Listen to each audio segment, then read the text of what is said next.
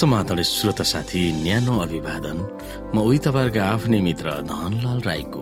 श्रोता साथी आज म तपाईँको बीचमा बाइबल सन्देश लिएर आएको छु।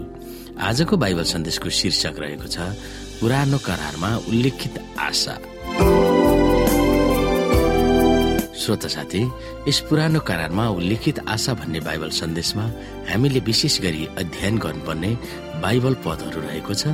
अयुब उन्नाइस अध्यायको पच्चिसदेखि सत्ताइस एक तिमती छ अध्यायको सोह्र पद भजन संग्रह उन्चास अध्याय भजन संग्रह एकात्तर अध्याय एसैया छब्बिस अध्यायको चौध र दानियल बाह्र अध्याय। हामीले यस अध्यायमा सम्झनु पर्ने पद अथवा मेमोरी गर्नुपर्ने वर्ष रहेको छ हिब्रू एघार अध्यायको सत्रदेखि उन्नाइस। यहाँ लेखिएको छ परमेश्वरले अब्राहमको जाँच गर्नुहुँदा विश्वासकै भरमा अब्राहम आफ्ना छोरा इसाकलाई बलिदान गर्न तयार भए। परमेश्वरले अब्राहमलाई नै प्रतिज्ञा गर्नुभएको थियो तर पनि अब्राहम आफ्नो एउटै छोरालाई बलिदान चढाउन राजी भए। परमेश्वरले उनलाई प्रतिज्ञा गर्नुभएको थियो इसाकबाट नै तिम्रो वंश बढ्नेछ।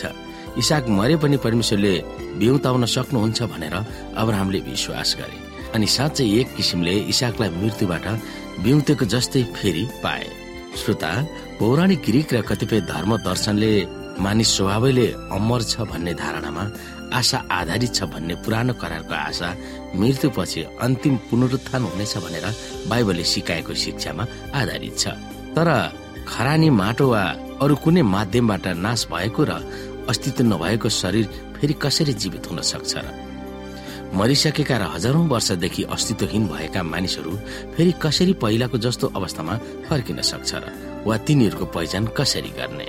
ती सबै प्रश्नहरूले हामीलाई जीवनको रहस्यको बारेमा सोच्न बाध्य बनाउँछ।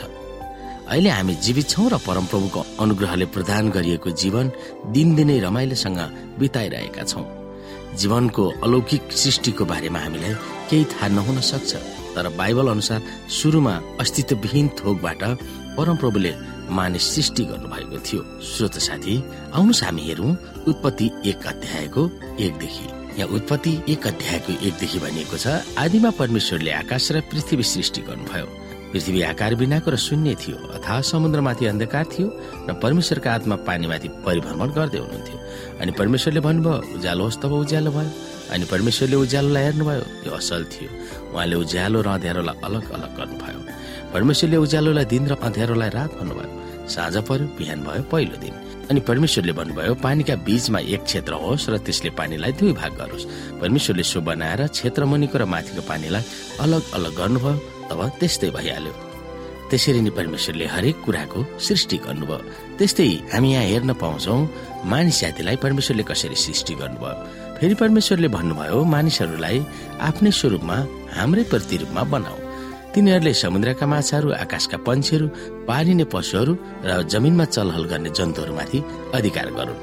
यसै कारण परमेश्वरले मानिसलाई आफ्नै स्वरूपमा सृष्टि गर्नुभयो। परमेश्वरकै प्रतिरूपमा उहाँले तिनलाई सृष्टि गर्नुभयो। नर र नारी गरी नै उहाँले तिनलाई सृष्टि गर्नुभयो। परमेश्वरले तिनीहरूलाई आशिष दिनुभयो र तिनीहरूलाई भन्नुभयो फल्दै फुल्दै वृद्धि हुँदै पृथ्वीमा भरिँदै र त्यसलाई आफ्नो बसमा पार्दै जाओ। समुद्रका माछाहरू आकाशका पंक्षीहरू तथा पृथ्वीका सबै जीवित प्राणीहरूमाथि अधिकार गर। हामीले यहाँनिर हेर्यौँ भने परमप्रभुको वचनले आकाशहरू निर्माण भए र उहाँकै मुखको सासले त्यहाँका ग्रह नक्षत्रहरू बनिए। किनकि उहाँका मुखको वचनले सारा सृष्टि रचियो। उहाँले आज्ञा गर्नुभयो र त्यो स्थिर रह्यो भनेर हामीलाई जानकारी गराइएको छ।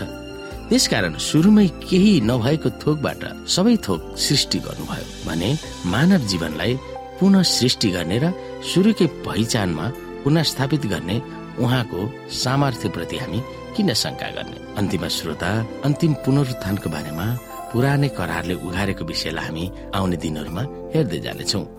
अयुब भजन संग्रहका लेखकहरू र एसिया र दानियल अगमवक्ताहरूले त्यस विषयमा उल्लेख गरेका वचनहरूलाई हामी हेर्दै जानेछौँ। श्रोता साथी आजको लागि बाइबल सन्देश यति नै। हस्त नमस्ते जय मसी